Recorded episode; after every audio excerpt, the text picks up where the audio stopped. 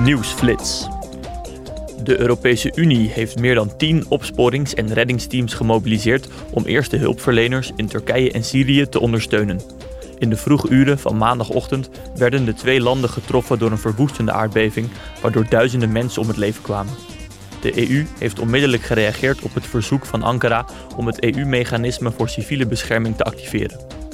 Het Copernicus-satellietsysteem van de EU is ook ingezet om noodkarteringsdiensten aan te bieden. Daarnaast heeft het Zweedse voorzitterschap van de Raad van de EU besloten de geïntegreerde politieke crisisrespons te activeren om de steunmaatregelen van de EU te coördineren. Morgen zal de Commissie Industrie, Onderzoek en Energie haar standpunt innemen over een voorstel om de uitrol van hernieuwbare en koolstofarme gassen in het energiesysteem gemakkelijker te maken. Het doel is de klimaatverandering te bestrijden door de gasmarkt van de EU koolstofvrij te maken en de energiezekerheid te verhogen. Alle jongeren tussen de 16 en 30 jaar kunnen deelnemen aan de vijfde editie van het Europees Jongerenevenement dat op 9 en 10 juni in Straatsburg plaatsvindt.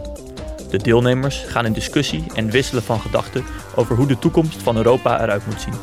Er staan bijna 200 activiteiten op het programma, waaronder debatten, discussies, netwerksessies, artistieke optredens, sport en interactieve workshops. Inschrijven kan tot en met 24 februari, zolang er plek is.